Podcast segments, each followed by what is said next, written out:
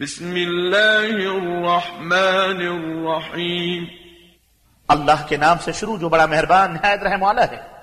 لم يكن الذين كفروا من أهل الكتاب والمشركين منفكين حتى تأتيهم البينة اہل کتاب اور مشرقین میں سے جو کافر تھے وہ اپنے کفر سے الگ ہونے والے نہ تھے۔ حتیٰ کہ ان کے پاس روشن دلیل نہ آ جائے۔ رسول من الله يتلو صحفا مطهرة اللہ کی طرف سے رسول جو انہیں پاکیزہ صحیفے پڑھ کر سناتا۔ فيها كتب قيمة جس میں مستحکم کتابیں موجود ہیں۔ وما تفرق الذين أوتوا الكتاب إلا من بعد ما جاءتهم البينة اور جن لوگوں کو کتاب دی گئی تھی ان میں تفرقہ اس بات کے بعد پیدا ہوا جبکہ ان کے پاس واضح احکام آ چکے تھے۔ وما أمروا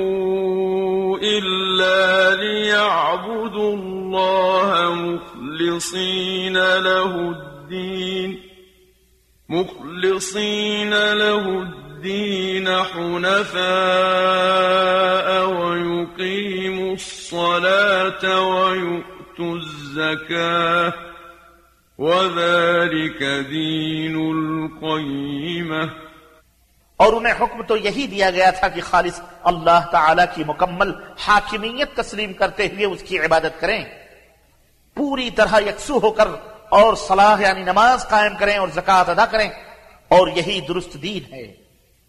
إن الذين كفروا من أهل الكتاب والمشركين في نار جهنم خالدين فيها أولئك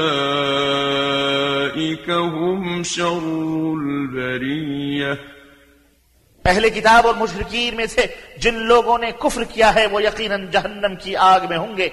اور ہمیشہ ہمیش اس میں رہیں گے اور یہی لوگ بدترین خلائق ہیں۔ إن الذين آمنوا وعملوا الصالحات أولئك هم خير البرية۔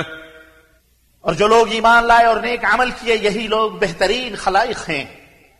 جزاؤهم عند ربهم جنات عدن جنات عدن تجري من تحتها الأنهار خالدين فيها أبدا.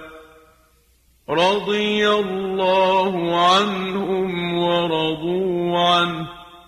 ذلك لمن خشي ربه. ان کے رب کے ہاں ان کا بدلہ ہمیشہ رہنے والی جنتیں ہیں، جن کے نیچے نہریں چلتی ہیں، وہ ان میں ہمیشہ ہمیش رہیں گے۔ اللہ ان سے راضی اور وہ اللہ سے راضی ہو گئے۔ یہ اس شخص کے لیے ہے جو اپنے رب سے ڈرتا رہا۔